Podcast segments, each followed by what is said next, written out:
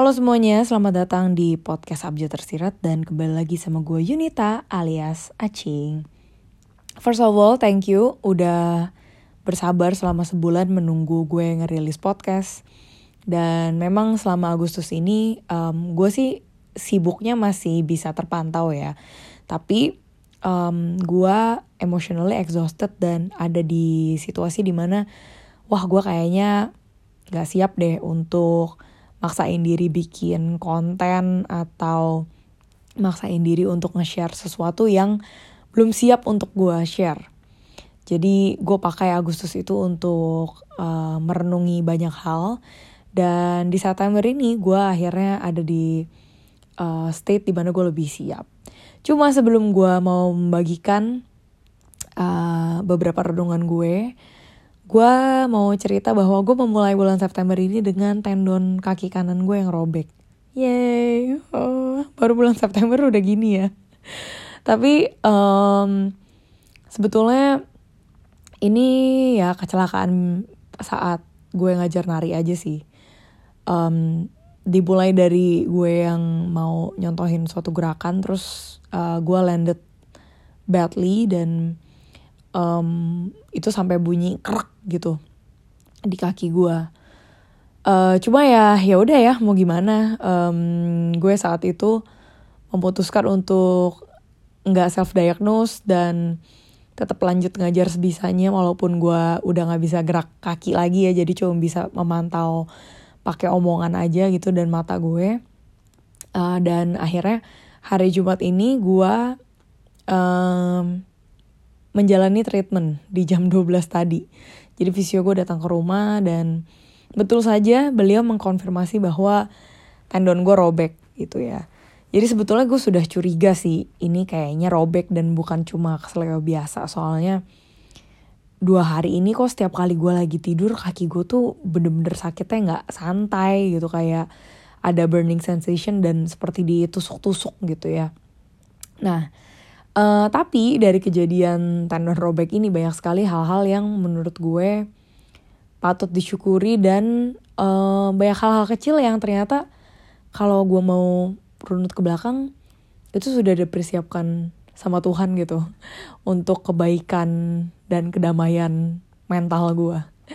Jadi gue punya waktu lebih untuk bener-bener bisa istirahat dan bisa nulis dengan tenang, bisa bikin konten dengan tenang dan gue pakailah waktu istirahat ini untuk sharing ke kalian.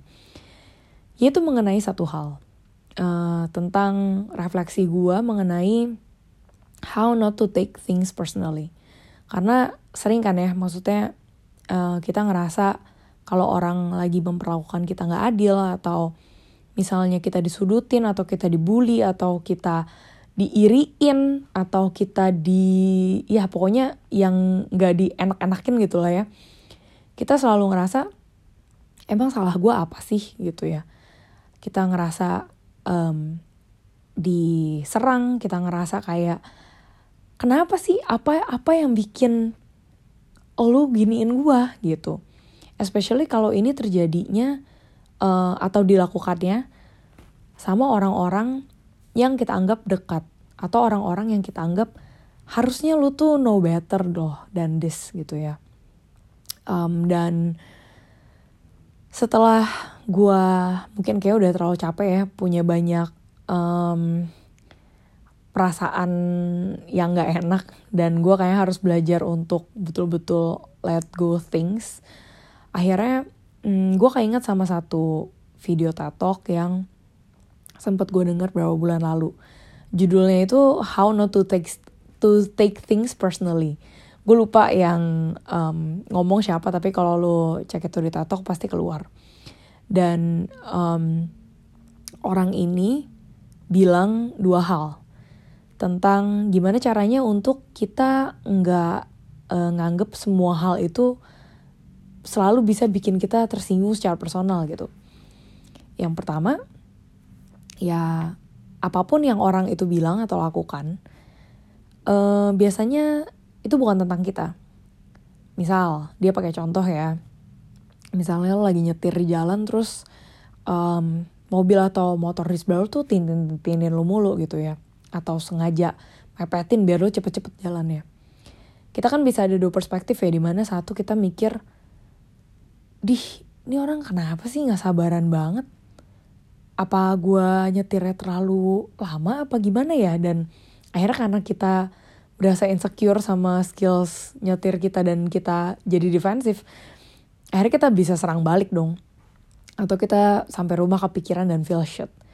Tapi yang kedua ada juga perspektif di mana ini orang kenapa sih tintin-tintin mulu? Dan gak taunya pas nengok oh ternyata dia lagi ngebawa istrinya yang lagi mau beranak men. Nah itu kan um, bisa jadi contoh ya bahwa gak semua hal ya tentang kita gitu. Dan kalaupun ternyata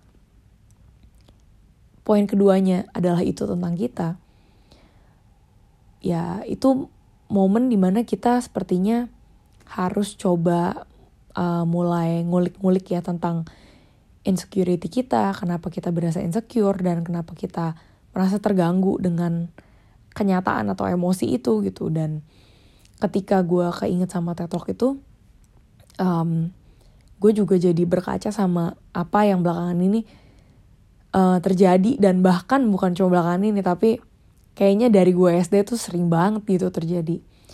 Ada dua hal. Yang pertama yaitu tentang um, menghadapi orang atau um, apa ya orang-orang terdekat lah yang merasa iri dengan achievement gue. Dan yang kedua adalah menghadapi orang yang nggak berani speak up atau speak up on behalf of myself ketika gue misalnya lagi di uh, pojokin atau lagi di permalukan gitu ya secara publik.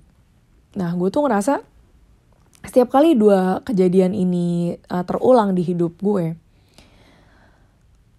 gue kayak apa ya kayak dia dihianati banget gitu dan disbelief banget sama respon orang-orang yang menurut gue lu tuh should know better loh what to do gitu.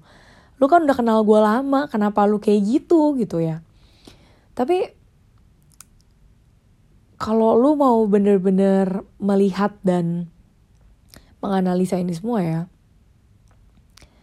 mungkin kalau mereka bisa milih mereka juga pengen kok untuk happy for you gitu. Dalam case misalnya iri. But somehow mereka juga nggak bisa kontrol perasaan itu. Mereka nggak bisa kontrol perasaan apa yang keluar ketika mereka ngelihat lu itu lebih shining dari mereka. Atau proses perjuangan lu ternyata nggak perlu segede mereka dan dengan perjuangan yang udah lu jalani aja udah ngedapetin apa yang sebetulnya mereka bener-bener mau gitu dari dulu. Dan apakah ini tugas kita untuk ngebantu mereka overcome that insecurity? Ya menurut gue kayaknya yang bisa kita bantu hanya dengan tidak merespon ya. Soalnya banyak banget uh, orang-orang yang bingung ketika uh, ada orang deket atau teman kantor atau teman kerja yang ngiri dengan achievement mereka mereka tuh bingung kayak apakah harus gue nyolotin atau apakah gue harus merendahkan diri gue biar gue nggak diserang gitu. Tapi ini ini pembahasan menarik yang uh, mungkin di episode episode ke depannya di bulan September ini gue mau nge-share gitu ya.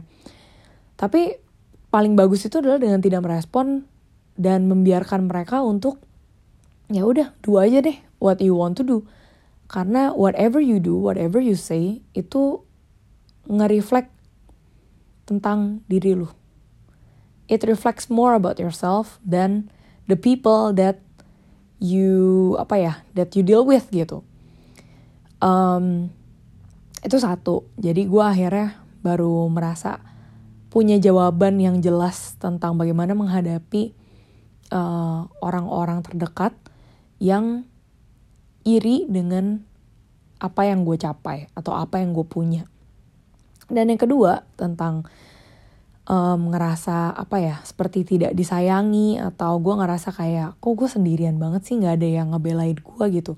Sedangkan kalau gue ngelihat orang-orang yang gue sayangin tuh di dikecewain especially in public gue pasti akan langsung uh, stand up for them I'm gonna speak up on behalf of them gitu. Cuma kok mereka nggak berlaku demikian ya. Dan ini yang akhirnya hmm, menampar gue banget. Karena setelah gue pikir-pikir kalau mereka bisa mereka pun juga mem akan mau memilih gitu untuk untuk membela kita gitu. Atau nggak um, cuma diem doang. Tapi permasalahannya kalau orang yang bersangkutan aja masih struggling untuk membela dirinya sendiri, untuk speak up buat dirinya, untuk fight in life for whatever they want, ya gimana caranya mereka bisa ngelakuin hal yang sama ke orang lain gitu kan.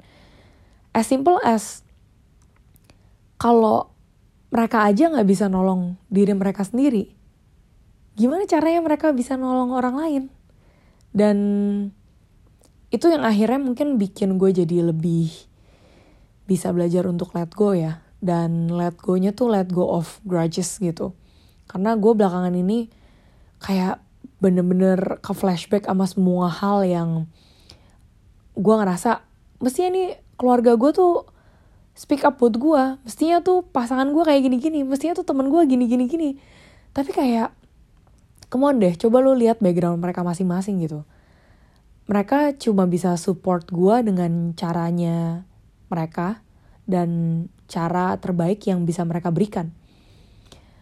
Cuma sayangnya ya memang realitanya atau ekspektasinya lebih tepatnya ya nggak nggak ketemu sama ekspektasi yang gue mau dan kalau dibalikin ke gue kenapa gue bisa dengan tanpa nggak usah mikir dua kali tuh gue pasti akan langsung uh, speak up atau bantuin teman-teman gue atau orang terdekat gue kalau mereka dicelakain gitu ya.